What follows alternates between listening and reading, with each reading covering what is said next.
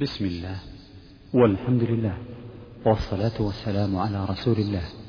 أيها الأحبة في الله يسر إخوانكم في تسجيلات الراية الإسلامية بالرياض أن يقدموا لكم دروس الدورة العلمية الأولى والتي أقيمت بجامع عثمان بن عفان رضي الله تعالى عنه بمدينة الرياض.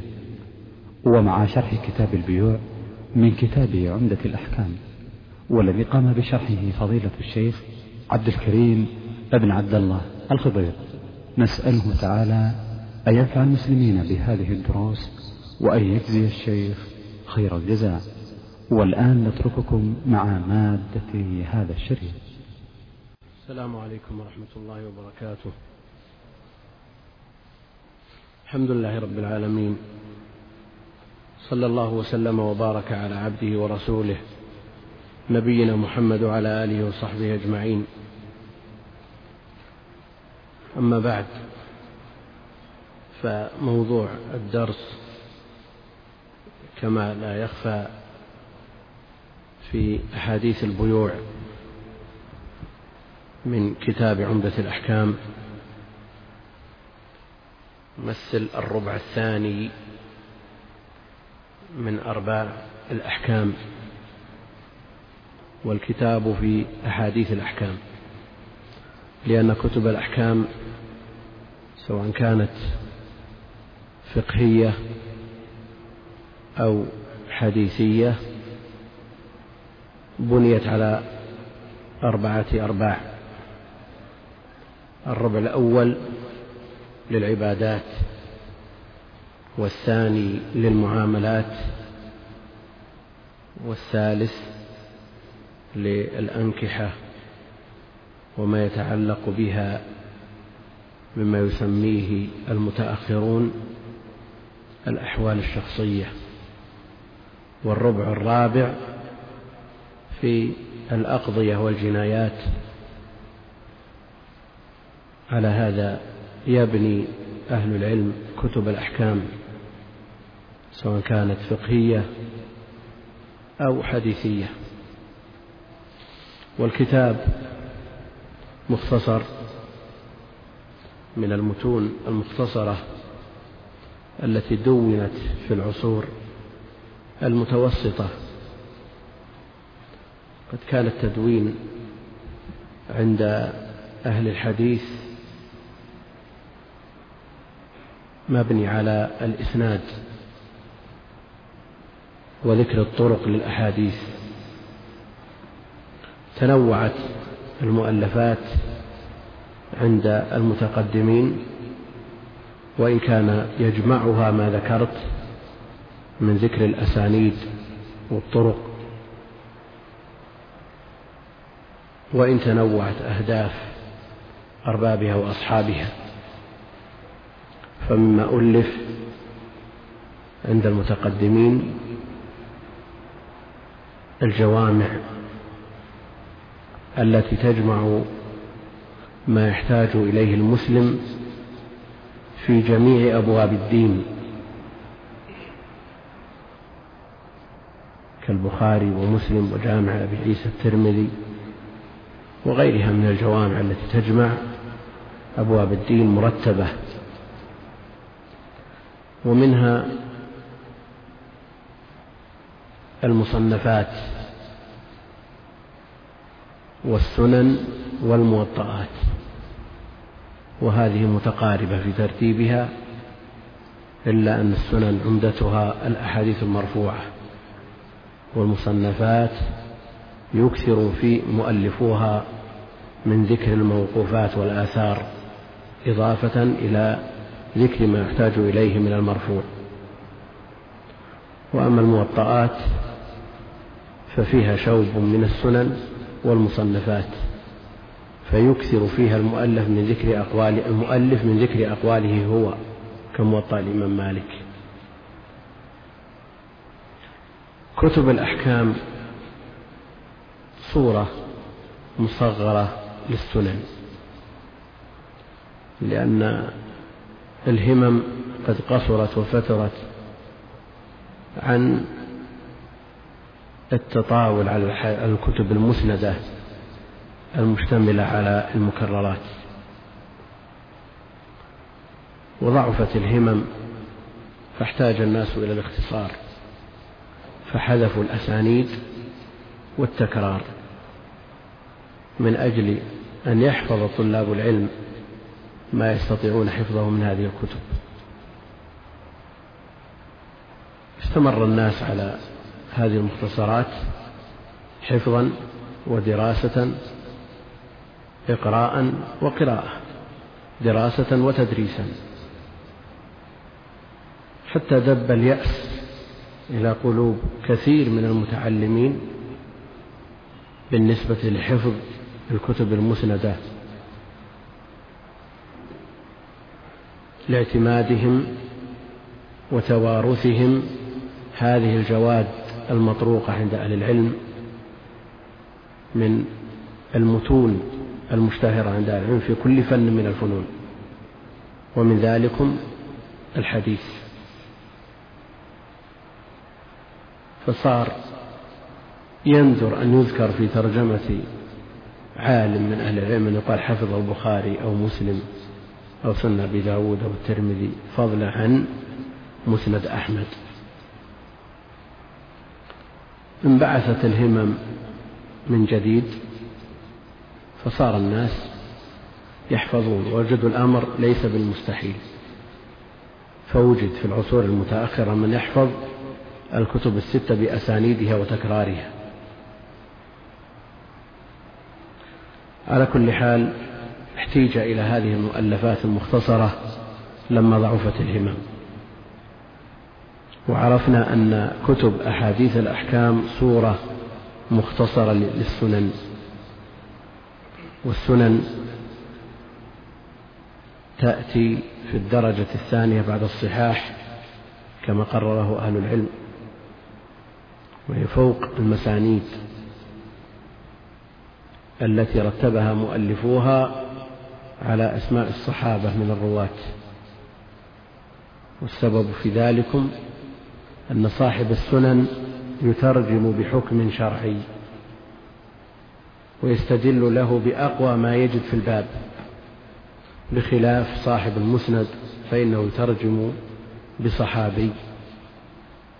حديث أبي بكر حديث عمر حديث عثمان رضي الله عن الجميع حديث علي وهكذا. فهو يحشد تحت هذه الترجمة ما يقف عليه من أحاديثه أو ما يصله من أحاديث هذا الراوي من أحاديث هذا الصحابي. ولا يحتاط مثل احتياط من يترجم بحكم شرعي. ولذا يقول الحافظ العراقي رحمه الله تعالى بعد أن ذكر السنن ودونها في رتبة ما جعل على المسانيد فيدعى جفلا. كمسند الدار كمسند الطيالسي وأحمد وعده للدارمي انتقد على كل حال تقسيم هذه الكتب وتوظيفها على الأحكام يعني أنها مبنية على الأرباع الأربعة التي سبق أن أشرنا إليها. وعمدة الأحكام إذا أطلقت انصرفت إلى الصغرى. كما أن سنن النساء إذا انطلقت انصرفت إلى الصغرى أيضا. وإلا فالحافظ عبد الغني ابن عبد الواحد المقدسي رحمة الله عليه له كبرى وصغرى. وعناية أهل العلم بالصغرى لأنه اقتصر فيها على شرطه وهو أن يكون الحديث مخرجا في الصحيحين. وإن كان شرطه قد اختل نادرا لكنه اختل قفلة وذهولا. فلا تجد في ترجمة من تراجم أهل العلم في القرن السابع والثامن والتاسع إلى يومنا هذا إلا يقال في ترجمة هذا العالم حفظ عمدة الأحكام. بعد أن حفظ القرآن حفظ المتون المطروقة التي منها عمدة الأحكام. ولما اتفق الإخوان على أن يكون الشرح لأحاديث البيوع من عمدة الأحكام ما تم الاستفصال هل المراد الكبرى أو الصغرى لأنه عند الإطلاق ينصرف إلى الصغرى. وقد أحضرت الكبرى معي لنذكر الزائد من الكبرى على الصغرى وإن لم نسترسل في شرحه ليكون طالب العلم على بينة. فنبدأ سم. بسم الله الرحمن هناك الرحيم. تنبيه يسأل عنه كثيرا بالنسبة لكتب الأحكام أجودها. لا شك في أن أصحها عمدة الأحكام. لأن المؤلفة اشترط أن يكون من أحاديث الصحيحين. هذا أصحها ويوجد في غير العمدة ما لا يوجد فيها من أحاديث السنن والبيهقي والدار قطني والمسند وغيرها كما في بلوغ المرام والمحرر والمنتقى وغيرها. ومن أراد أن يقتصر على الصحيح فعليه بالعمدة مع أنه لا يستغني عن الكتب الأخرى في أحاديث الأحكام كالمحرر والبلوغ وإن أسعفته الحافظة وعلت به الهمة إلى حفظ المنتقى فهو أجود لأن فيه أربعة آلاف حديث. يعني العمدة لا تصل إلى الثمن من هذا المقدار يعني أقل من خمسمائة حديث. والله المستعان. نعم. أحسن الله إليك. بسم الله الرحمن الرحيم. الحمد لله رب العالمين صلى الله وسلم وبارك على نبينا محمد وعلى آله وصحبه أجمعين. قال المصنف رحمه الله تعالى كتاب البيوع. عن عبد الله بن عمر رضي الله عنهما عن رسول الله صلى الله عليه وسلم أنه قال إذا تبايع الرجلان فكل واحد منهما بالخيار ما لم يتفرقا وكانا جميعا. أو يخير أحدهما الآخر فتبايعا على ذلك فقد وجب البيع. وعن حكيم بن حزام رضي الله تعالى عنه قال ما عندك وفي معناه؟ وفي معناه من حديث حكيم بن حزام. النسخة اللي عندي تختلف. طلعت على نسخة أخرى فيها. نعم. أقول طلعت على نسخة أخرى فيها ما ذكرت. على كل حال العمدة طبعت طبعات كثيرة. طبعت ضمن مجموعة الحديث النجدية مرارا في الهند وفي مصر وفي غيرها. طبعت في المنار في مصر طبعت في مطابع كثيرة لأن لها قبول عند أهل العلم وهذه النسخ يوجد في بعضها ما لا يوجد في البعض. ثم طبعت أخيرا وادعى طابعوها أنهم قابلوها على نسخ لكن من أجود طبعات الكتاب طبعة الشيخ أحمد شاكر لأنه طبع الكتاب ضمن مجموع ضم ألفية العراقي وتدمرية شيخ الإسلام والعمدة. نعم. على كل حال في بعض النسخ وفي معناه من حديث حكيم بن حزام وهو إلى آخره. نعم. وعن حكيم بن حزام رضي الله تعالى عنه قال قال رسول الله صلى الله عليه وسلم البيعان بالخيار ما لم يتفرقا أو قال حتى يتفرقا فإن صدقا وبينا بورك لهما في بيعهما وإن كتما وكذبا محقت بركة بيعهما. نعم. هذا الحديث الأول من حديث البيوع. والثاني والكتاب مصدر كتب يكتب كتابا وكتابة وكتبا ويجمع على كتب وأصل المادة للجمع. كما يقال تكتب بنو فلان إذا اجتمعوا. ويقال لجماعة الخيل كتيبة والكلام في هذه المادة مكرور ذكر في مناسبات كثيرة. هو البيوع جمع بيع وهو مصدر باع يبيع بيعا. والبيع يشمل النوع الواحد والأنواع. إلا أنه جمع هنا لتعدد أنواعه. وإن كان البيع المصدر يشمل الواحد والاثنين والثلاثة والأربعة. كما أنهم جمعوا الماء على مياه وهو اسم جنس تدخل فيه جميع أنواع الماء لكنهم لاحظوا فيه تعدد الأنواع. فجمعوا. مصدر باع يبيع.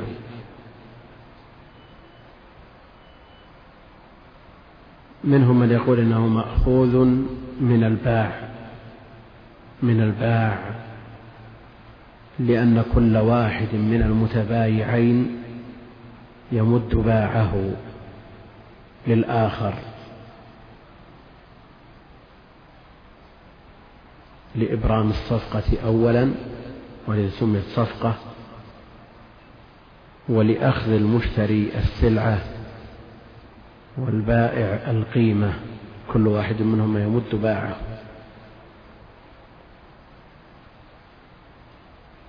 وعرفنا أن البيع مصدر.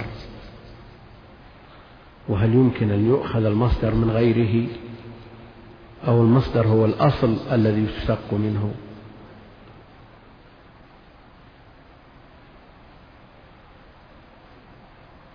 نعم. المصدر أصل ولا فرع؟ أصل. وكونه أصلا لهذين انتخب.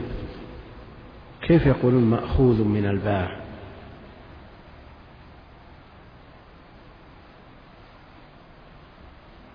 والأصل مصدر يؤخذ منه ولا يؤخذ هو من غيره.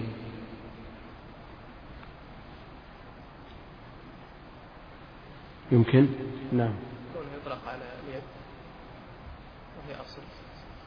الباع يطلق على اليد لكن البيع. قلنا إن البيع مصدر والمصدر أصل لجميع المشتقات. والأصل يؤخذ منه.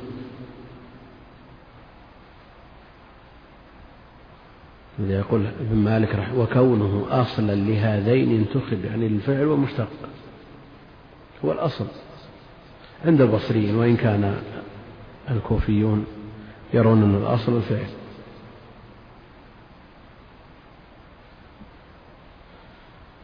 على كل حال نقل أو إيجاد هذا اللفظ للدلالة على العقد هو مجرد نقل وليس اشتقاق وليس من باب الاشتقاق. نظير ما يقال في لفظ الجلالة الله هل هو مشتق أو جامد؟ جمع الغفير من أهل العلم يقولون مشتق. مستدرك عليهم بأن الله سبحانه وتعالى سابق على كل شيء فمما اشتق يقال إن هذا من حيث الأوزان والأبنية العربية مشتق. وإن كان الله سبحانه وتعالى واللفظ علم على الذات الإلهية لم يسبقه شيء. البيع عرف بأنه مبادلة مال بمال. مبادلة مال بمال.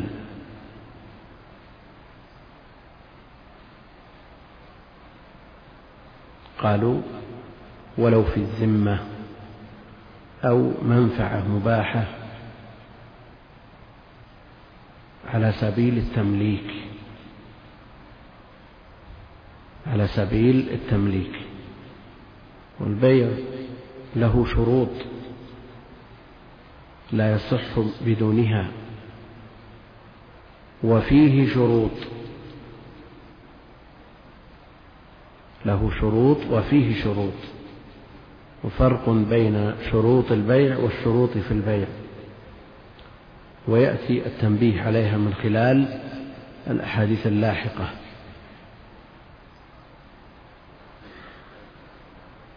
عن عبد الله بن عمر عن رسول الله صلى الله عليه وسلم أنه قال إذا تبايع الرجلان إذا تبايع الرجلان. وفي حكم الرجال كل من هو جائز التصرف. كل من هو جائز التصرف من امرأة ونحوها كصبي مميز فيما يسوغ له التصرف فيه والعبد فيما وكل إليه التصرف فيه. رجلان خرج مخرج الغالب وإلا فالنساء مثل الحكم واحد. إذا تبايع الرجلان تبايع والمبايعة المفاعلة تكون من طرفين. تكون من طرفين. فإذا وجد العقد من الطرفين فكل واحد منهما بالخيار. كل واحد منهما بالخيار. له أن يختار أحد النظرين من إمضاء البيع أو فسخه وهذا هو معنى الخيار. ما لم يتفرقا ما لم يتفرقا بأبدانهما في قول أكثر العلماء وهو ظاهر الحديث.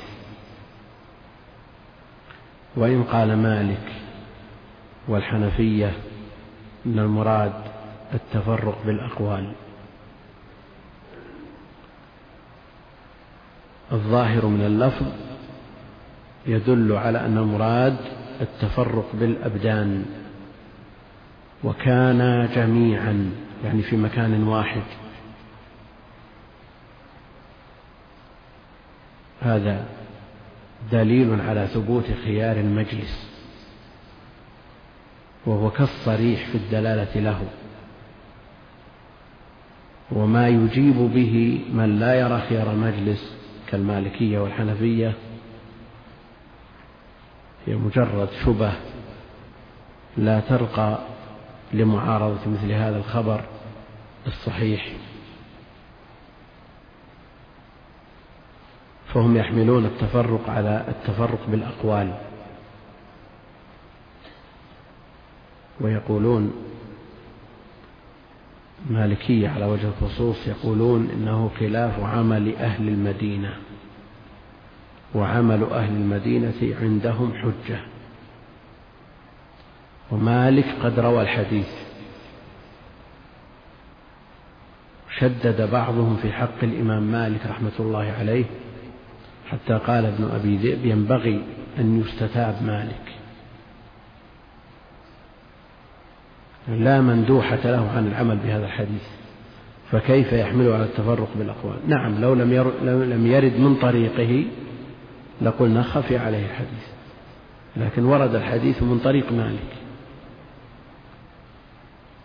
كيف يسمى المتعاقدان بيعان؟ وكيف يتم التبايع ما لم يتم العقد بالإجابة والقبول. معنى الحديث عند المالكية والحنفية إذا تبايع الرجلان يعني تساوم فكل واحد منهما بالخيار ما لم يتفرقا يعني بالأقوال. فإذا تفرقا بالأقوال فقد وجب البيع.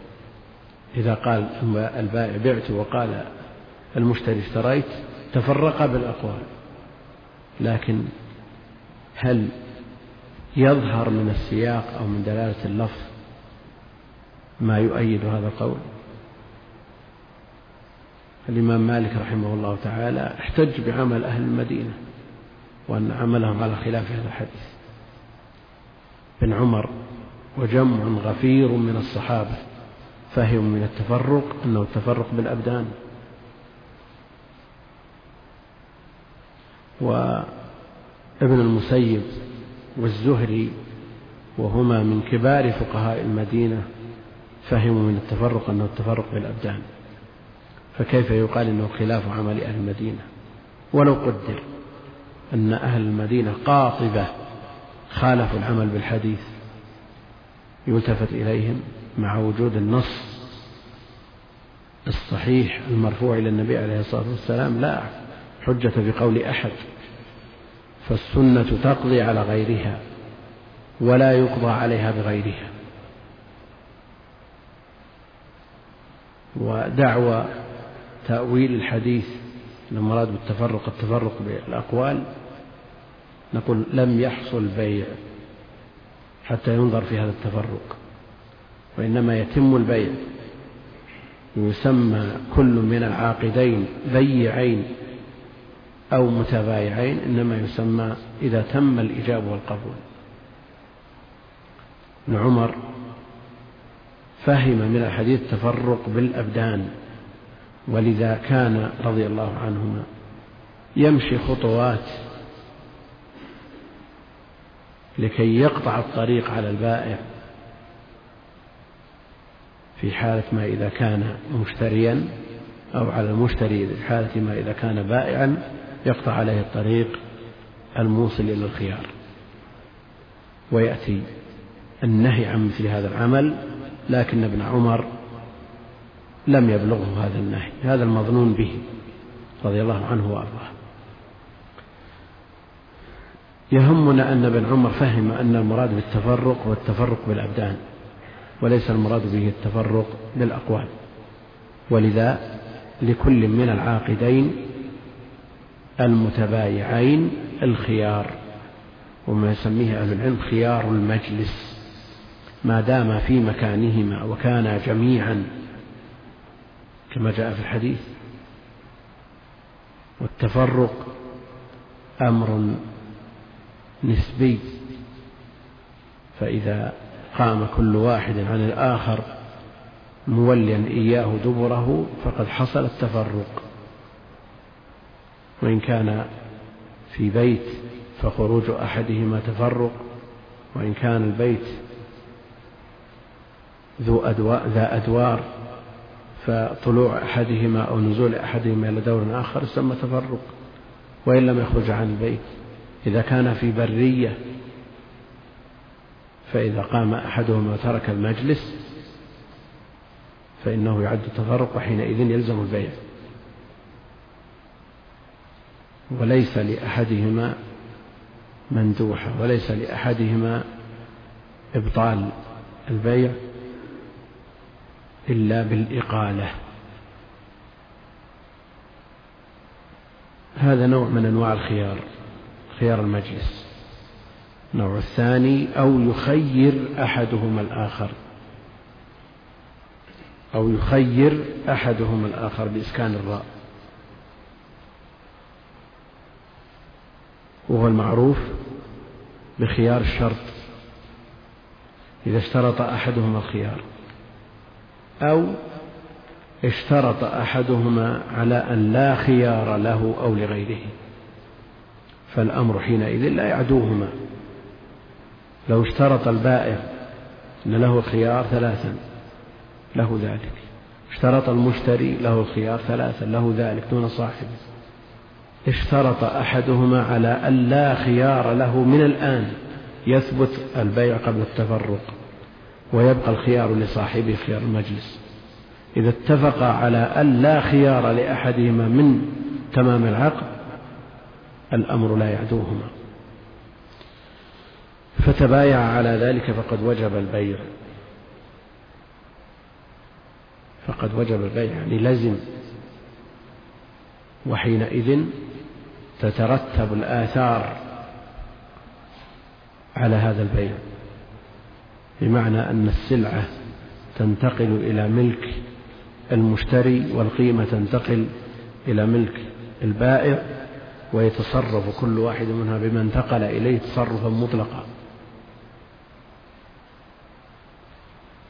وإن تفرق في تكملة الحديث وهذا موجود في الكبرى دون الصغرى وذكرت أني أشير إلى الزيادات التي في الكبرى لنجمع الفائدة من الكتابين.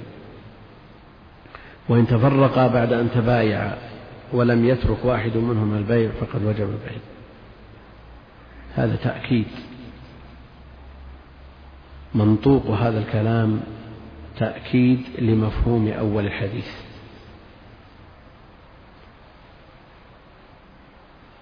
وفي معناه في معنى حديث ابن عمر الحديث الثاني حديث حكيم بن حزام. حكيم بن حزام قال قال رسول الله صلى الله عليه وسلم البيعان بالخيار ما لم يتفرقا. أو قال حتى يتفرقا. هو في معنى الحديث السابق فلا حاجة إلى شرحه. فإن صدقا وبينا بورك لهما في بيعهما. إن صدق صدق كل واحد منهما صاحبه.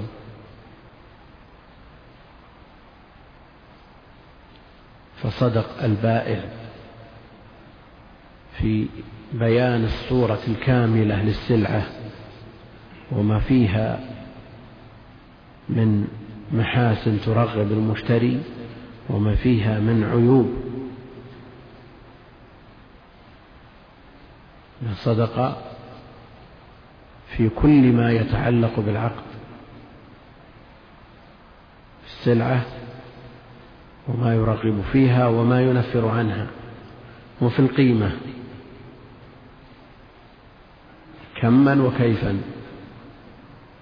فالمشتري يبين ما في نقوده من عيب. لما كانت النقود الدراهم والدنانير يدخلها ما يدخلها كالسلع. فلا بد حينئذ من البيان من قبل المشتري. إذا حصل البيان والصدق حصلت البركة. حصلت البركة. والبركة شيء محسوس وملحوظ بين الناس. التاجر الصدوق الأمين لا شك أنه يبارك له في ماله. والقدر اليسير من المال الذي يكسبه بهذه الطريقة ينفعه أكثر مما يكسب. من أضعافه بالطرق الأخرى. والناس يعتمدون هذا الرجل الصادق الذي ينصح لهم ويقبلون عليه وينفرون من ضده. كثير من الناس يذهب إلى التاجر الصادق وإن كانت سلعته أغلى من غيرها وأكثر قيمة. بينما ينفرون من المخادع الغشاش وإن عرض السلع بأقل من غيره. شواهد الأحوال كثيرة على هذا. فالقدر والعدد ليس بعبرة. هذا موجود في جميع الأعمال الموظف الذي يؤدي عمله على وجه المطلوب. تجد في دخله من البركة ما لا تجده في من هو أكثر منه في الدخل إذا لم يكن مخلصا نفسه مبرئا لذمته. وكم سمعنا ونسمع في الدوائر الحكومية من المستخدمين وصغار الموظفين ممن يقرض الكبار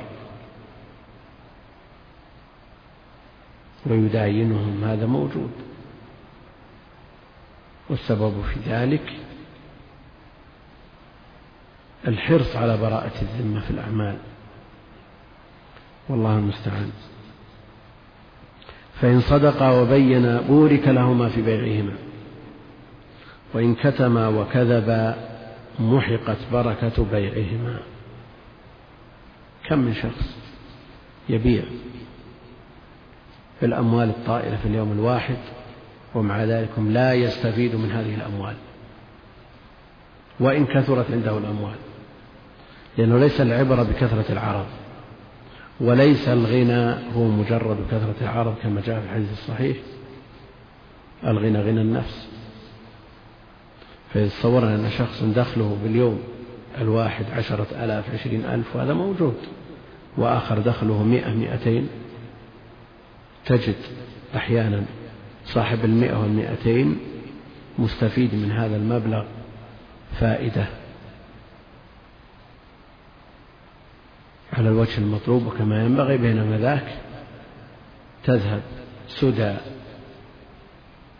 وينفقها في غير وجهها غالبا. والسبب الصدق والحرص على براءة الذمة وعدمه. كم من شخص له من الأموال والأرصدة ما يستفيد منه البنوك وقد حرم منه صاحبه. كم من شخص له الملايين في البنوك. هذا وإن كان المبلغ موجود لكنه محروم من بركته لا يستفيد منه. إن أراد أن يأكل هو محجوب. إن أراد أن يتزوج ما يستطيع. إن أراد أن ينفق يده مقبوضة. نسأل الله السلامة والعافية. وقل مثل هذا في بركة البدن. كم من شخص تضيع عليه الأوقات سدى لا يستفيد من نفسه ولا يستفيد منه غيره ومن الناس. ولا يقال الآن الأوقات ما فيها بركة ولا ما لا هذا يختلف من شخص إلى شخص. يعني يعرف من الشباب من يقرأ القرآن في سبع ويحضر ثلاثة دروس في اليوم ويؤدي عمله اليومي على الوجه المطلوب ويزور المقابر كل أسبوع ويزور المستشفيات والمرضى كل أسبوع ويصل رحمه ويأنس بأحبابه وأترابه وكل هذا موجود وما ضاع ولا ولم يضع عليه من أمور الدنيا شيء. ما فاته شيء من أمور الدنيا. وبعض الناس لهث وراء هذه الدنيا وقد ضيع نفسه وأهله ولم يدرك من الدنيا إلا ما كتب له. وإن أدرك منها شيء لم ينتفع به. والله المستعان. المقصود أن الصدق له أثر مشاهد واضح في نماء الأموال وبركتها والإفادة منها. والكذب على الضد من ذلك. هنا في الكبرى قال في الحديث الأول متفق عليه وفي الثاني متفق عليه وهذا لا يوجد في الصغرى. لماذا؟ لماذا؟ نقول في الصغرى لا يحتاج إلى تنصيص لأنها في الأصل من الصحيحين فلا يحتاج إلى أن يقال متفق عليه بينما الكبرى وقد أدخل فيها المؤلف أحاديث ليست من الصحيحين يحتاج أن ينص على المتفق عليه. والحديث الذي يلي هذين الحديثين وهو من زيادات الكبرى حديث عمرو بن شعيب عن أبيه عن جده أن رسول الله صلى الله عليه وسلم قال البيعان بالخيار ما لم يتفرقا. إلا أن تكون صفقة خيار فلا يحل له أن يفارق صاحبه خشية أن يستقيله. فلا يحل له أن يفارق صاحبه خشية أن يستقيله. يعني يحتال لإسقاط الخيار. يحتال لإسقاط الخيار من أجل تفويت هذه الفرصة الممنوحة من الشرع لكل من المتعاقدين. لأن المتعاقدين أو أحدهما قد يكون في أموره مستعجلا يقدم على إبرام العقود من غير نظر ولا روية فتركت له هذه الفرصة من الشارع لكي يستدرك يستدرك ما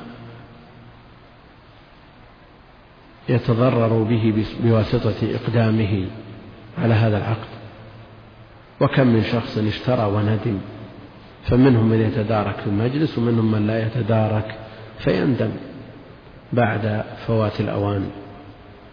ولا يبقى حينئذ أمامه إلا الإقالة. فلا يحل له أن يفارقه صاحبه أن يفارق صاحبه خشية أن يستقيل. وعرفنا أن ابن عمر كما في الصحيح يفعل ذلك رضي الله عنه. وهذا وهو المظنون بمثل هذا الصحابي المؤتسي أنه لم يبلغه مثل هذا الخبر. هو مخرج في سنن أبي داود والترمذي وقال الترمذي حديث حسن ومن طريق عمرو بن شعيب عن أبيه عن جده. والاختلاف في الاحتجاج بمثل هذا الإسناد معروف عند أهل العلم والخلاف ومنشأه والراجح أن ما يرد بواسطة هذه السلسلة إن كان من فوق أو من بعد عمرو بن شعيب مقبولا فأقل أحواله أن يكون من قبيل الحسن. يقول المؤلف في الكبرى ولو كانت الفرقة بالكلام ولم يكن خيار بعد البيع لم يكن لهذا الحديث معنى. قال ولا يحل له أن يفارقه خشية أن يستقيله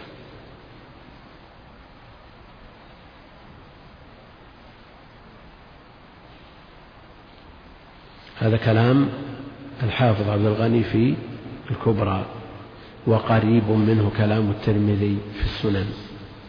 يقول بعد أن قال هذا حديث حسن ومعنى هذا أن يفارقه بعد البيع خشية أن يستقيله وكانت الفرقة بالكلام ولم يكن ولو كانت الفرقة بالكلام ولم يكن له خيار بعد البيع لم يكن لهذا الحديث معنى. حيث قال صلى الله عليه وسلم ولا يحل له أن يفارقه خشية أن يستقيله.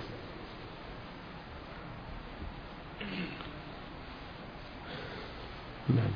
سم أحسن الله عليك باب ما نهي عنه من البيوع.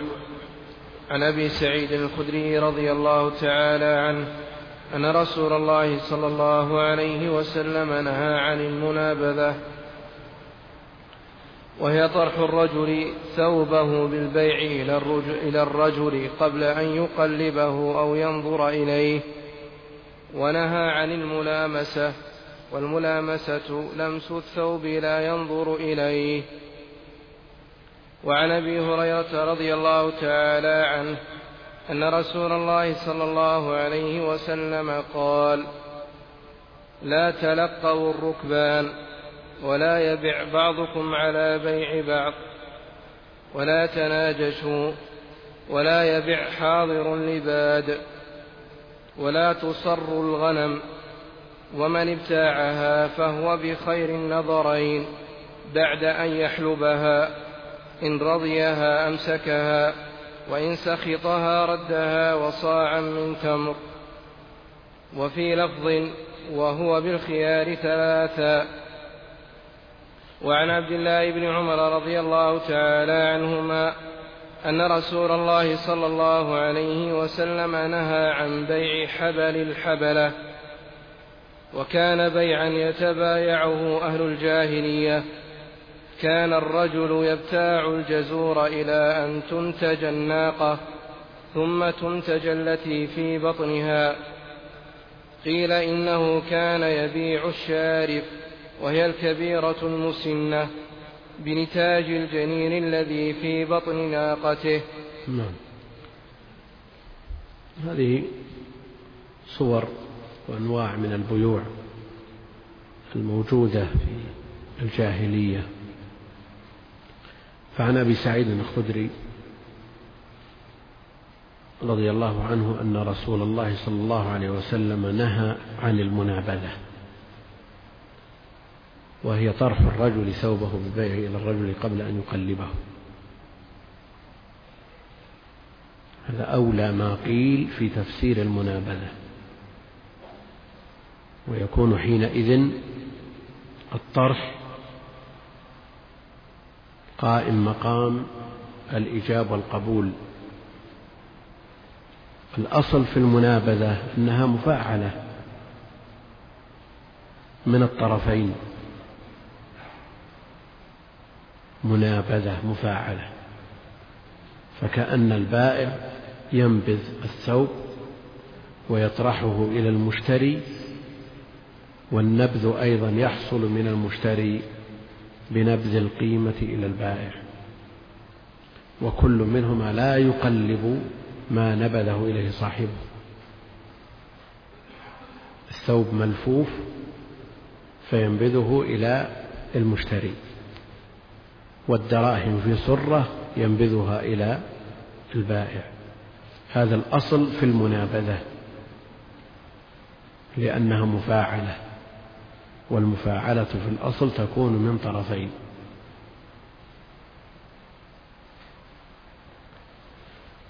قد ترد المفاعلة وتكون من طرف واحد كالمسافرة. سافر فلان سافر فلان. من طرف واحد ولا من طرفين؟ نعم من طرف واحد. المطارقة. طارق زيد النحل. من طرف واحد. ليس معنى هذا أنه يطرق النعل والنعل يطرقه؟ لا. من طرف واحد. وهذا على خلاف الأصل. وفسرت هنا المنابذة. طرح الرجل ثوبه ببيعه للرجل قبل أن يقلبه أو ينظر إليه. فعلى هذا التفسير هي من طرف واحد وهو البائع. والسبب في النهي الغرر والجهالة من شروط البيع أن يكون بعد أن ذكروا كون العاقد جائز التصرف أن تكون العين المباعة السلعة معلومة برؤية أو صفة. برؤية أو صفة. وهنا السلعة غير معلومة غير مروي مرئية الثوب مطوي.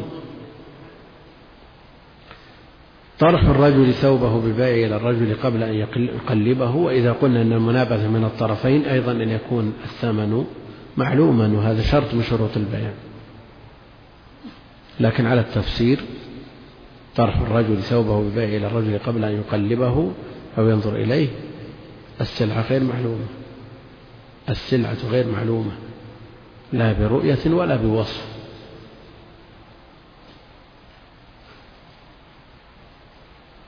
فاختل شرط من شروط البيع للغرر والجهالة ونهى عن الملامسة والملامسة لمس الثوب لا ينظر إليه.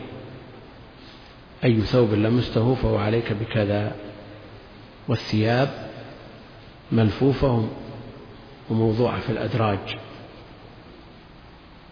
يلمس الأول الثاني الثالث ما يدري عن صفته. فلا بد أن تكون السلعة معلومة. وهذان النوعان من بيوع الجاهلية. وهما محرمان اتفاقا لوجود الغرر والجهالة. فسرت المنابذة ببيع الحصاة الوارد في بعض. النصوص وهي أي ثوب أو أي رأس من الغنم أو الإبل أو البقر تنبذ إليه هذه الحصاة وتقع عليه فهو عليك بكذا. والجهالة والغرر موجودة. ونهى عن الملامسة والملامس لمس الثوب لا ينظر إليه.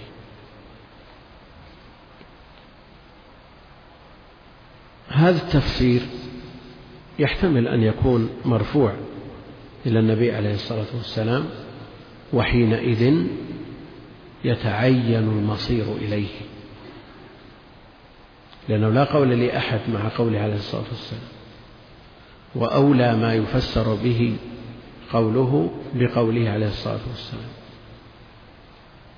وإذا كان من الراوي الصحابي فمن دونه فالصحابة أعرف من غيرهم بمدلولات الألفاظ فيغلب على الظن أن أنه هو الموافق لمراد النبي عليه الصلاة والسلام.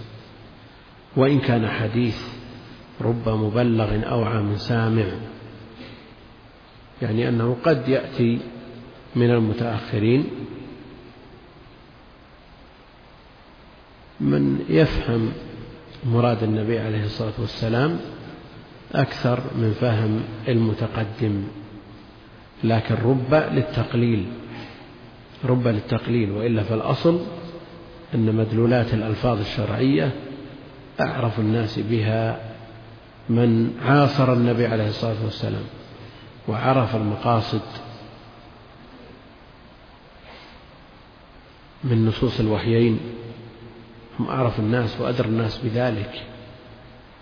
وعلى كل حال إذا كان التفسير من قوله عليه الصلاة والسلام فلا مندوحة لأحد من العمل به وإن كان من أحد الرواة فلا شك أنهم أولى من غيرهم لكن يبقى للنظر مجال للنظر مجال.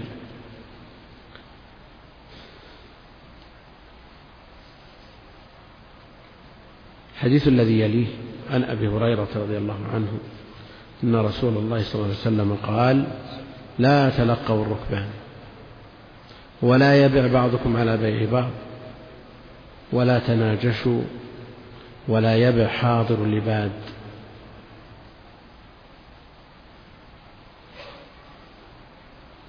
أربع جمل لا تلقوا الركبان ولا يبع بعضكم على بيع بعض ولا تناجشوا ولا يبع حاضر لباد هذه الأربع الجمل مروية من طرق كثيرة عن أبي هريرة وعن ابن عمر وغيرهما وهي مروية على نسق في المسند من طريق الإمام أحمد عن الشافعي عن مالك عن ابن عمر. عن مالك عن نافع عن ابن عمر. بأصح الأسانيد. أحمد. عن الشافعي عن مالك. متى يجتمع مثل هؤلاء؟ أحمد عن الشافعي عن مالك عن نافع عن ابن عمر. وهذا ما يقال فيه إنه سلسلة الذهب. فمالك عن نافع عن ابن عمر أصح الأسانيد عند البخاري. وإذا زيد بعد مالك أحد فأولى الناس الشافعي وإذا زيد بعده أحد فأحمد. وليس في المسند على طوله وكثره أحاديثه. حديث يروى بهذا الإسناد إلا هذا الحديث.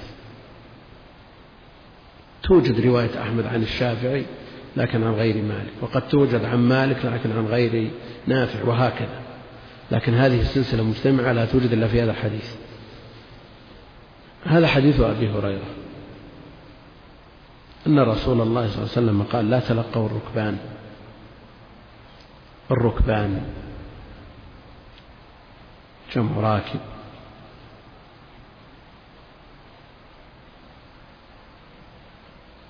ويقال ركب. أيضا جمع راكب كصحب وصاحب. لا تلقوا الركبان. وهذا وصف خرج مخرج الغالب. وإلا فلو كانوا مشاة دخل متلقيهم في النهي.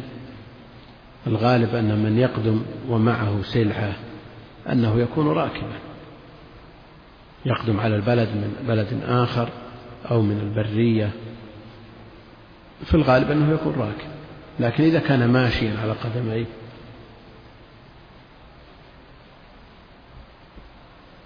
فإنه يأخذ الحكم نفسه. لا تلقوا الركبان.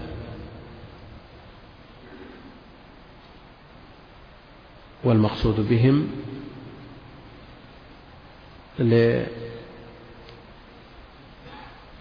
بيع السلع التي يحملونها وجاءوا بها إلى البلد.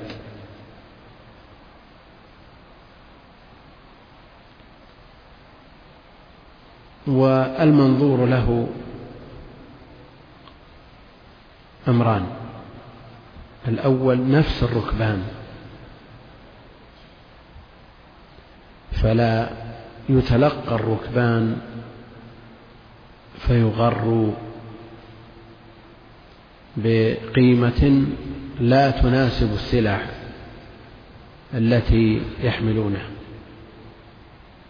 هذا جاهل بسعر البلد. هذا الراكب القادم جاهل بسعر البلد. فإذا تلقي من خارج البلد كيف يعرف أن هذه السلعة تستحق كذا من الثمن؟ فيحصل الضرر على نعم البائع. بالمقابل لا يبع حاضر لباد لو تلقي هذا البادي وأراد هذا الحاضر النصيحة لهذا البادي لئلا يغلب إذا وصل إلى البلد. الملحوظ مصلحة أهل البلد. فالشرع بشموله وعنايته بالجميع لا يرضى الضرر لأحد لا للبائع ولا لأهل البلد. كما جاء في الحديث الصحيح دعوا الناس يرزق الله بعضهم من بعض. ففي الصورة الأولى لا تلقوا الركبان الملحوظ مصلحة الراكب القادم الوافد إلى البلد فيترك حتى يصل ويدخل البلد ويبيع بما تستحقه سلعته ويستفيد. فلا يغر بالتلقي ويستوي في ذلك في عموم اللفظ ما الناس بحاجة إليه وما لا حاجة لهم به. بعض الناس يقول إذا كان الناس بحاجة إلى هذه السلعة منع وإذا كانوا لم يكونوا بحاجة لم يمنع. لأن الحاجة نسبية قد تكون حاجة عموم الناس متعلقة بهذا أو العكس عموم الناس لا يحتاجون هذا الأمر لكن قد يحتاجه شخص. فيترك الناس يرزق الله بعضهم من بعض ولا يبع بعضكم على بيع بعض. شخص اشترى سلعة سيارة بخمسين ألف فيأتيه من يأتيه ويقول السيارة غالية ردها على صاحبها وأنا أبيع عليك مثلها بأربعين ألف. هذا باع على بيع أخيه. قد يقول قائل البيع لزم بالإيجاب والقبول. لزم البيع بالإيجاب والقبول. والنص محتمل لما في مدة الخيار ولما كان بعد انتهاء مدة الخيار. أما كون البيع على بعض بيع البعض في مدة الخيار فظاهر. يذهب المشتري إلى البائع ويفسخ. وإذا كان بعد لزوم البيع وانتهاء مدة الخيار لا شك أن هذا المشتري يذهب إلى البائع ويحرجه و يحرجه بالإقالة فالضرر حاصل. وإن لم تحصل الإقالة حصلت حصلت البغضاء والشحناء. وتكدر خاطر المشتري أنه شرى سلعة بأكثر من قيمتها. البشر كلهم مجبولون على هذا. ما في أحد يرضى أنه يغلب ولو بشيء يسير. فإذا كان في مدة الخيار قال أنا عندي لك سيارة أفضل منها بأربعين ألف وأنت شاري بخمسين ذهب وفسخ البيع تضرر البائع. إذا كان بعد مدة الخيار ذهب المشتري وطلب الإقالة وأصر وكدر نفسه وكدر صاحبه والشرع يوصد جميع الأبواب الموصلة إلى مثل هذه الشحنة وهذه المشاكل. ولا يبع بعضكم على بيع بعض. ومثل النهي عن البيع البعض على بيع أخيه الشراء. الشراء على شراء أخيه. هذه السيارة التي اشتراها زيد من عمرو بخمسين ألف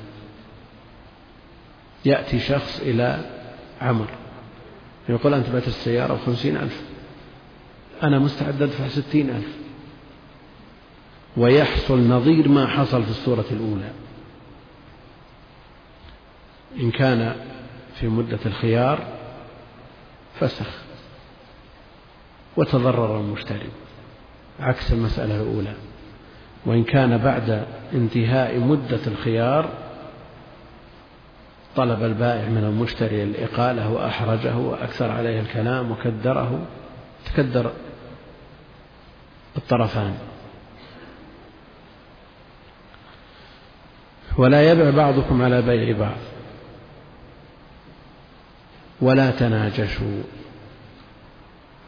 جاء في الصحيح نهى عن تلقي الركبان. ونهى عن النجش. هنا لا تلقوا ولا تناجشوا. وجاء بلفظ النهي. نهى عن تلقي الركبان ونهى عن النجش. ولا فرق بين الصيغتين. لأن صيغة النهي الأصل فيها لا الناهية. الأصل فيها لا الناهية ومن صيغ النهي الإتيان بلفظ النهي. فإن كان الناهي مصرحا به نهى رسول الله صلى الله عليه وسلم من تلقي الركبان نهى رسول الله صلى الله عليه وسلم من النجش فلا خلاف في كونه من المرفوع. أما إذا قال الصحابي نهينا عن تلقي الركبان ونهينا عن النجش فجماهير أهل العلم على أنه مرفوع أيضا.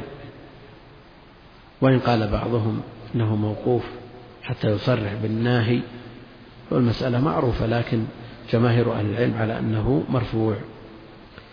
وقوله نهى رسول الله صلى الله عليه وسلم عن كذا هو في القوة في حكم لا الناهية لا تلقى.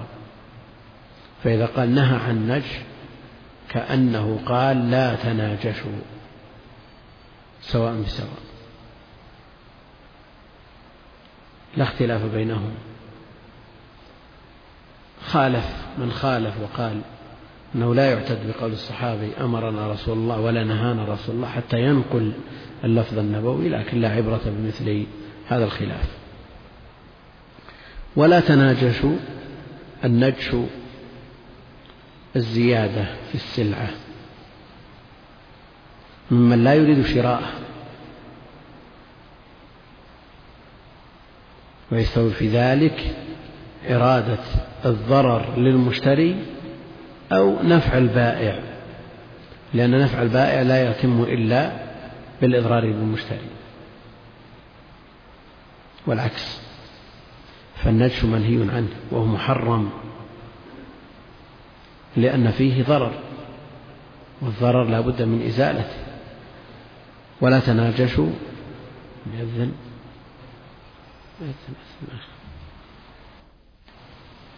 في حديث أبي هريرة أن رسول الله صلى الله عليه وسلم قال لا تلقوا الركبان. وعرفنا المراد بالتلقي والمراد بالركبان بيع على البيع البعض والنجش والمراد به الزيادة في السلعة ممن لا يريد شراءها ويستوي في ذلك إرادة نفع البائع أو ضرر المشتري لأن هذا لا يحصل إلا بهذا ولا يبع حاضر لباد الحاضر ساكن القرى والأمصار والبادي ساكن البادية لا يبع حاضر لباد سئل ابن عباس قال لا يكون له سمسارا لا يكون دلال يترك البادي هذا ليبيع لنفسه ليستفيد من ورائه أهل البلد. لأنه إذا باع الحاضر للبادي ما ترك فرصة لأهل البلد. ولا تصر الغنم. مراد بالتصرية حبس اللبن. في ضرع الغنم وفي حكمها الإبل والبقر مما وغيرها مما يقصد لبنه. تصر الغنم. وهل هذا خاص ببهيمة الأنعام؟ أو يشمل كل ذات لبن ولو لم يكن اللبن مباحا للآدمي.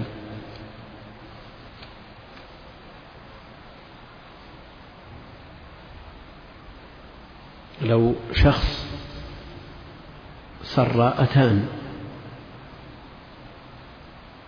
الأنثى من الحمر وباعها في السوق وضرعها كبير لأنها سريت يؤثر ولا ما يؤثر؟ يؤثر لماذا؟ قد يقول قائل هذا اللبن مآله إلى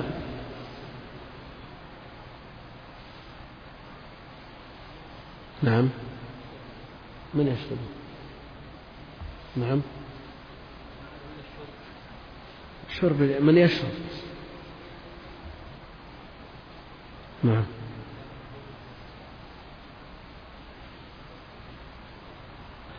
كونه سر لبن الأتان والأتان معروفة أنثى الحمار. الآن التصرية في لبن الإبل والبقر والغنم ظاهر هذا لأنه يستفيد منها الإنسان ويستفيد منها ولدها. كونها تجلب إلى السوق وضرعها كبير لا شك أن هذا يغرر بالمشتري يغرر بالمشتري الذي يظن أنها ذات لبن كثير وواقعها أقل من ذلك.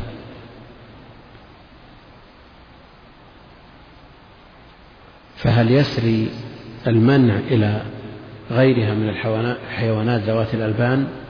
ولو لم يكن لبنها مشروبا من قبل الآدمي كالأتان مثلا. النص ورد في الغنم وجاء التنصيص على الإبل أيضا.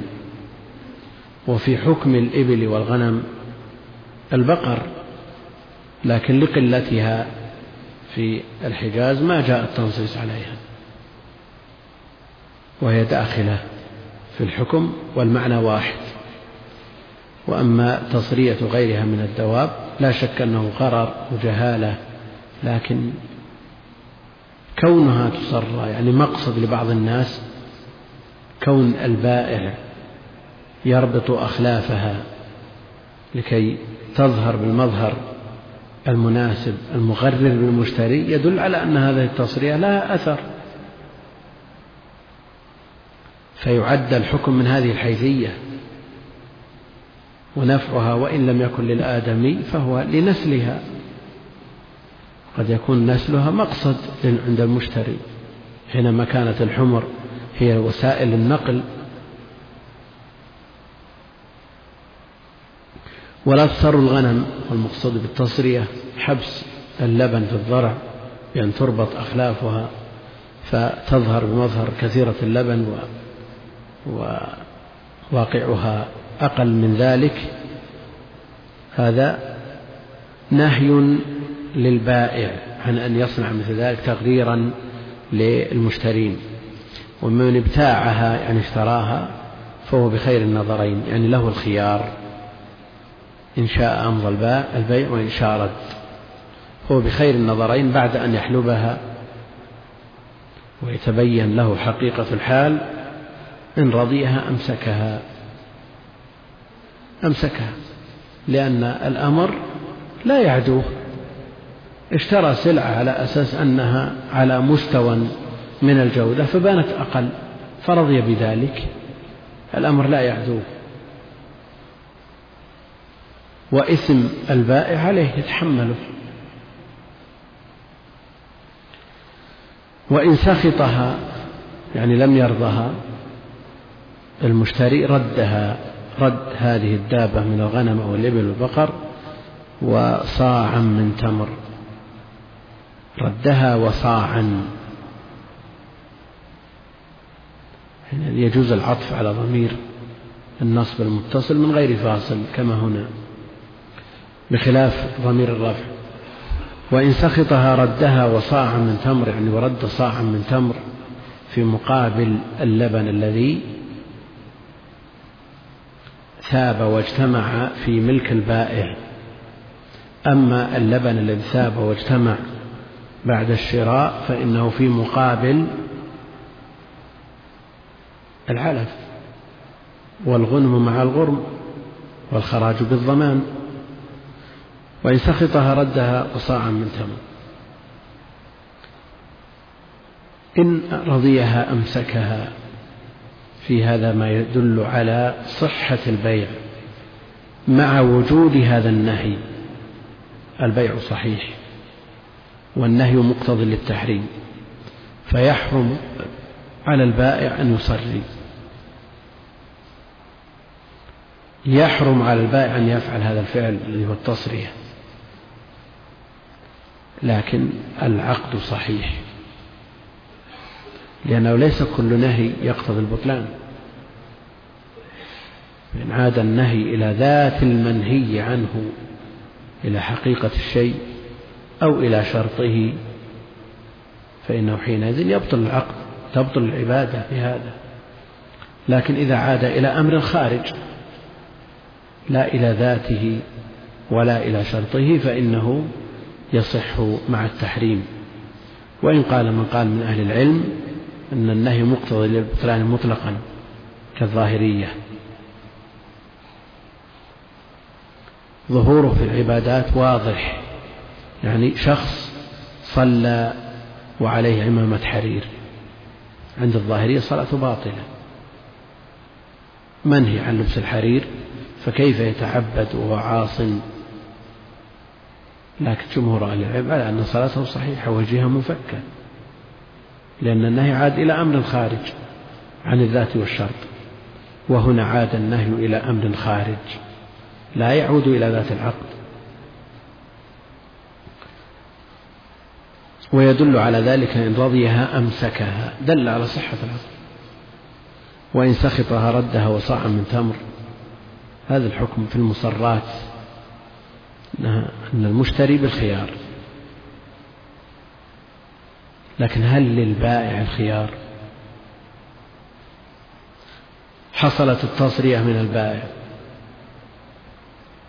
هذه الناقة سريت ثلاثة أيام وثاب في ضرعها عشر لترات من اللبن وهي في الحقيقة لا يجتمع في اليوم إلا لتر أو لترين. نعم؟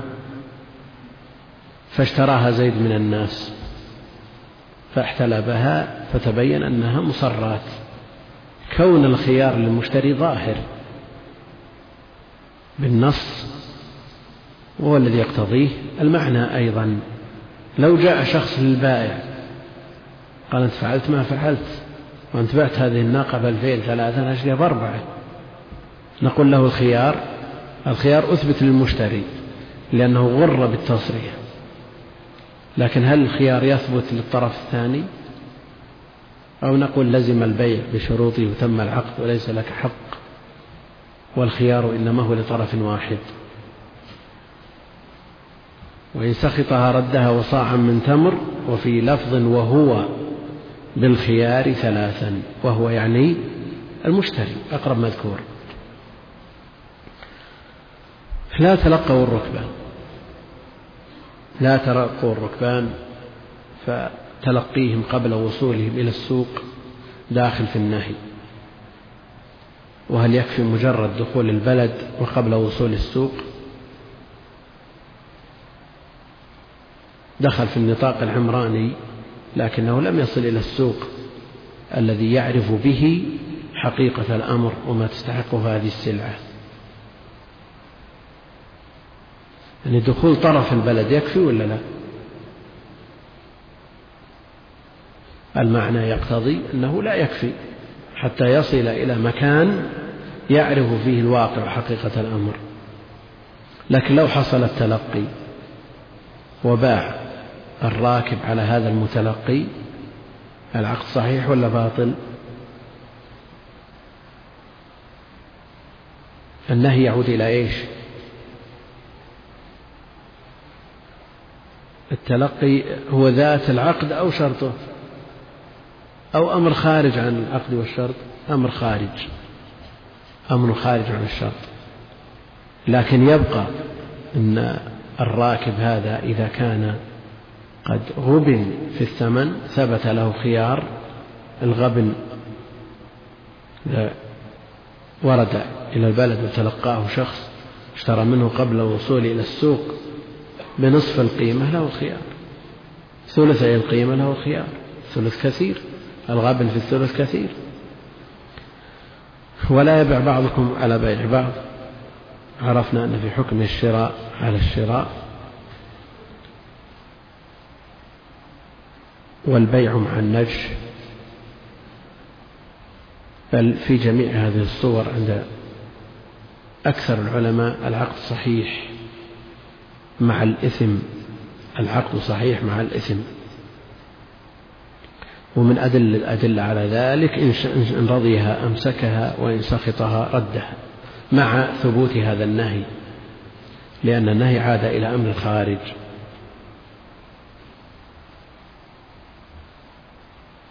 كم باقي؟ من الوقت كم باقي؟ من الإقامة بعد خمس شوف لنا سؤالين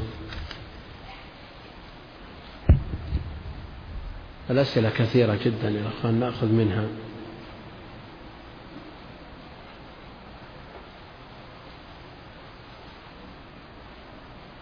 يقول هل أدعي أدعو يعني على من غشني وقد سألته عن السلعة فمدحها وعندما تفرقنا اتضح أنه غشني فيها حيث أخذ مبلغا كبيرا عليها ولم أجده بعدها. على كل حال الدعاء بالشر على أخيك المسلم هو جهر بالسوء من القول. والله سبحانه وتعالى لا يحب الجهر بالسوء من القول إلا من ظلم وأنت حينئذ مظلوم لك أن تدعو عليه بقدر مظلمتك. لكن إن تركت الحق ليقتص منه في الآخرة فهو أعظم لأجرك وإن أبحته وأعفيته من هذا الغش من أثر هذا الغش فهو أعظم وأعظم للأجر. ما لم يترتب على ذلك استرسال منه للغش. يعني بعض الناس إذا ترك زاد شره. فمثل هذا لا ينبغي أن يترك. إذا تبين أنه يغش يحاسب ويبحث عنه ويوقف عند حده.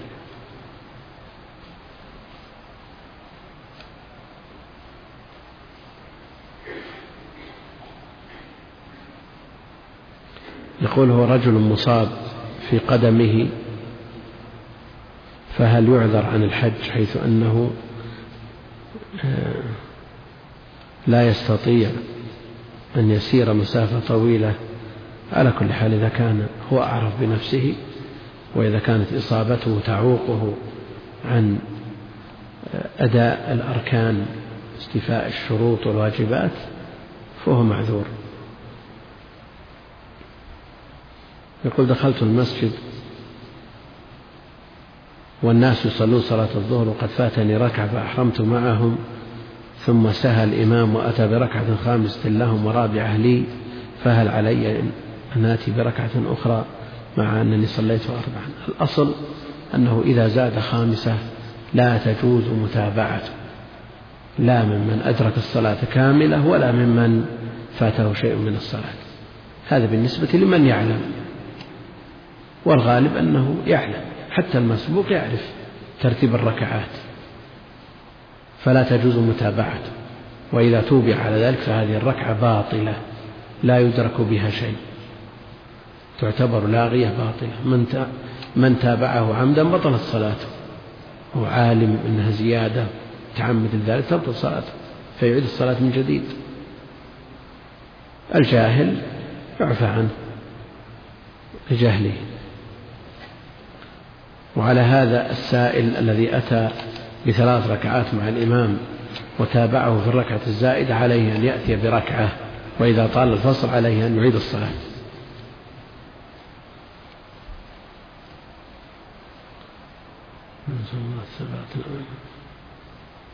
يقول هل لك أن تبين ما الإقالة وأمثلة منها؟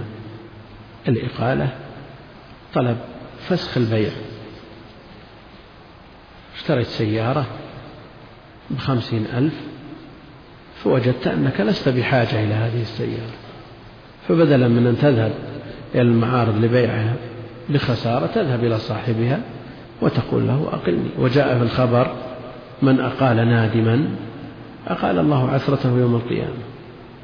تذهب إلى صاحبها فتطلب منه أن يفسخ البيع. ومثله البائع إذا تبين أن له حاجة ماسة إلى هذه السلعة وأن بيعها يترتب عليه ضرر بالنسبة له يستقيل المشتري وهكذا.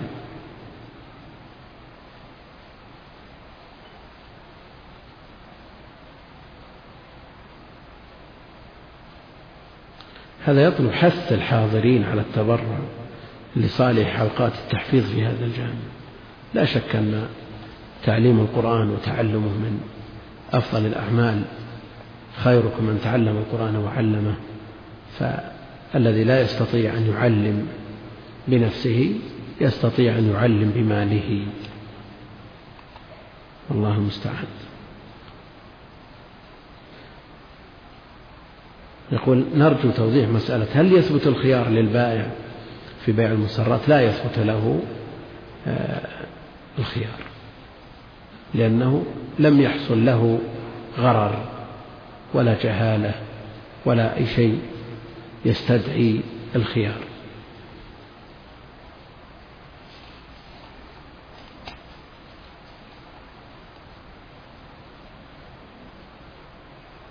يقول ما يحصل الآن من بعض الأشخاص عندما يريد أن يبيع السيارة فإنه يقوم بتغسيلها وتنظيفها أليس هذا من الغرر؟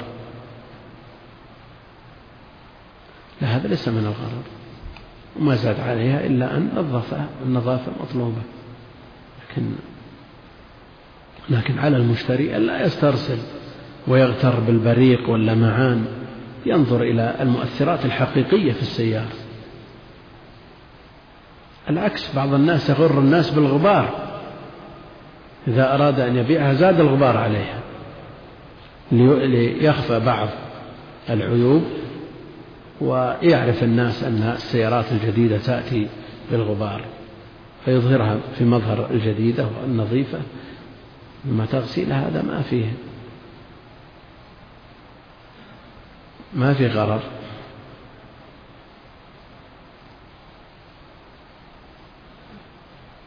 هذا يسأل عن فتح المغيث السخاوي. هو جاري طبعه الآن إن شاء الله تعالى.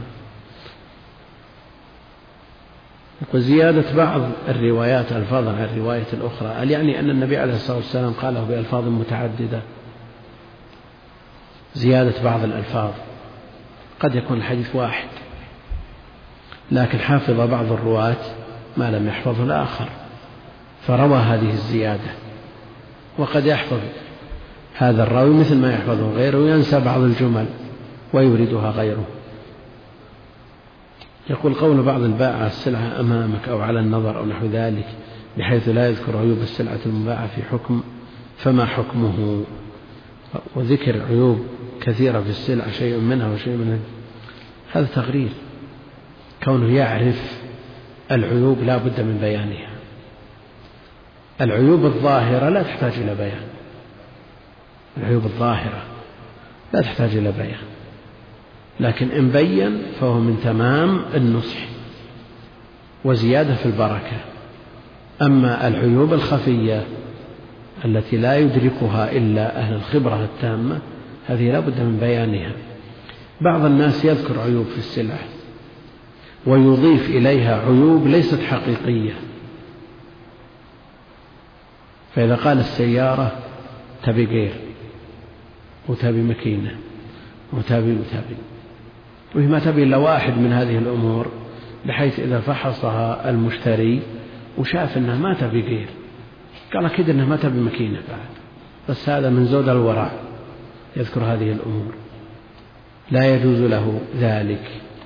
لا يجوز له أن يغرر هذا من أساليب التغرير.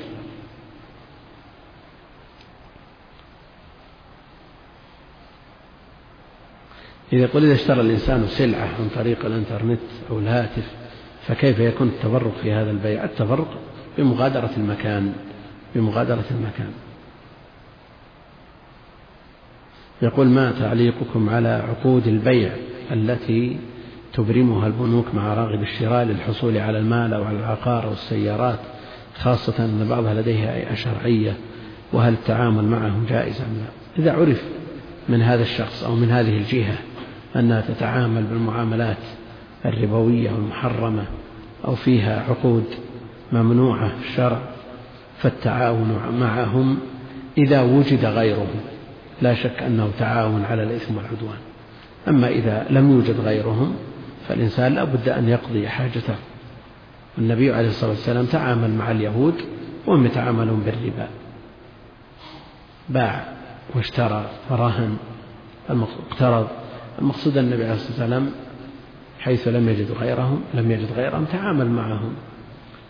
وإلا فالأصل التعاون على البر والتقوى تعامل مع شخص يستفيد من هذا المال فائدة على الوجه المشروع.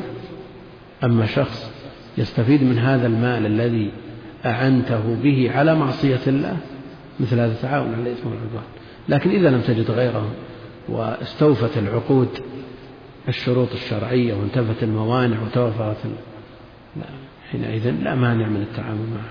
فإذا كان البنك مالك للسلعة التي يريد بيعها عليك وأنت تريد هذه السلعة بعينها أو تريد قيمتها على سبيل التورق فجماهير أهل العلم إذا كان البائع الأصلي مالك لهذه السلعة اشتريتها أنت وقبضتها القبض الشرعي المعتبر وحزتها وبعتها بنفسك أو وكلت ثقة يبيعها لك وأخذت قيمتها يبيعها على طرف ثالث لا يبيعها على الطرف الأول. لئلا تكون عينة يبيعها على طرف ثالث فلا مانع إن شاء الله تعالى. ترى الأسئلة كثيرة جدا. أنت بغيت الإقامة ها؟ انتهى؟ لا بأس نترك بقية الأسئلة. الأسئلة كثيرة جدا. الله أعلم وصلى الله وسلم وبارك على عبده ورسوله نبينا محمد وعلى آله وصحبه أجمعين. السلام عليكم ورحمة الله وبركاته. الحمد لله رب العالمين وصلى الله وسلم وبارك على عبده ورسوله نبينا محمد وعلى آله وصحبه أجمعين. لدينا مجموعة من الأسئلة كثيرة جدا بقيت من الأسبوع الماضي. نبدأ ببعضها حتى يكتمل عدد الأخوة الذين يحضرون. في البداية هذا تنبيه من أحد الأخوة وله أو لشخص آخر تنبيه نظير له نظير لهذا التنبيه إلا أن الأول قال خاص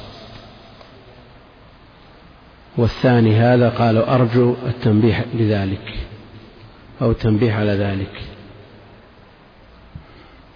ولا علاقة له بالدورة لكن يقول هذا طالب التنبيه جزاه الله خير يقول قلتم أمس في شرح مختصر البخاري بالإذاعة يعاتبني قومي بالدين والصحيح أنه بالدين. وجاء تنبيه آخر في الأسبوع الماضي وليس المراد أمس الأمس القريب السبت الذي قبله لأن هذه الورقة أرسلت في الأسبوع الماضي. أنا أدركت هذا وعرفت أنها وهي سبقة لسان فقط وعرفت أنه وقع قبل أن يذاع. وطلب من المخرج أن يعدل لكنه وعد بذلك وكأنه نسي. وعلى كل حال الصحيح كما ذكر الإخوة يعاتبني قومي بالدين وليس بالدين.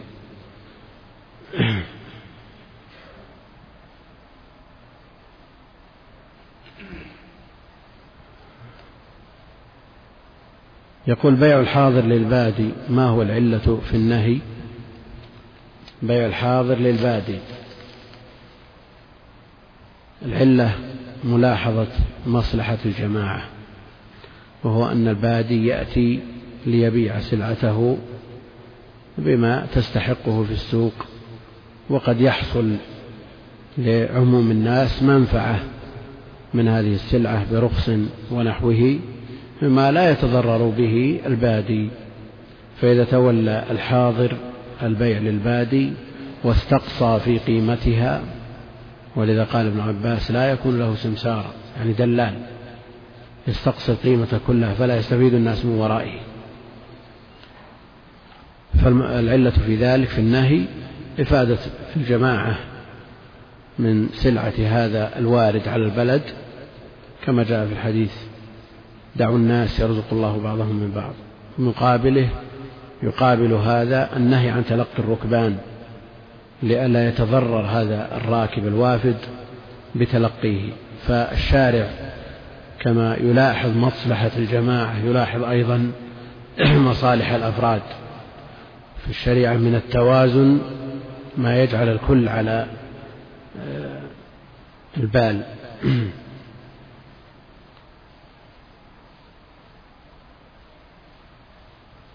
يقول لقد ذكرت في حديث أبي هريرة أن هناك آه، نفس تلقي الركبان ولا نفس أكثر على كل حال هو فرع من السؤال الماضي. هو فرع من السؤال الماضي. النهي عن تلقي الركبان لئلا يتضرر هذا الراكب فيتلقاه شخص يشتري منه سلعته بثمن أقل. يقول هناك تاجر لديه سفينة قادمة من خارج المملكة محملة بالبضائع وقبل أن تصل إلى ميناء جدة بيوم جاءته العروض من تجار البلد هل يبيع أم ماذا يفعل؟ هذا ليس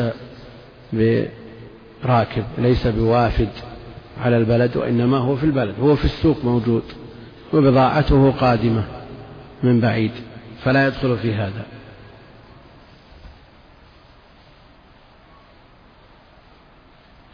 يقول إن رضيها أمسكها يعني المصرات وإن لم يرضها إلى آخره.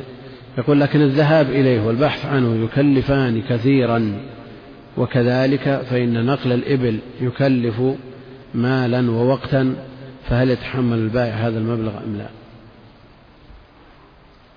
شخص اشترى ناقة مصرات من الرياض مثلا. ونقلها في سيارته فورا إلى أقصى الشمال أو أقصى الجنوب. ثم بعد ثلاث تبين له أنه أنها مصرات هل يردها؟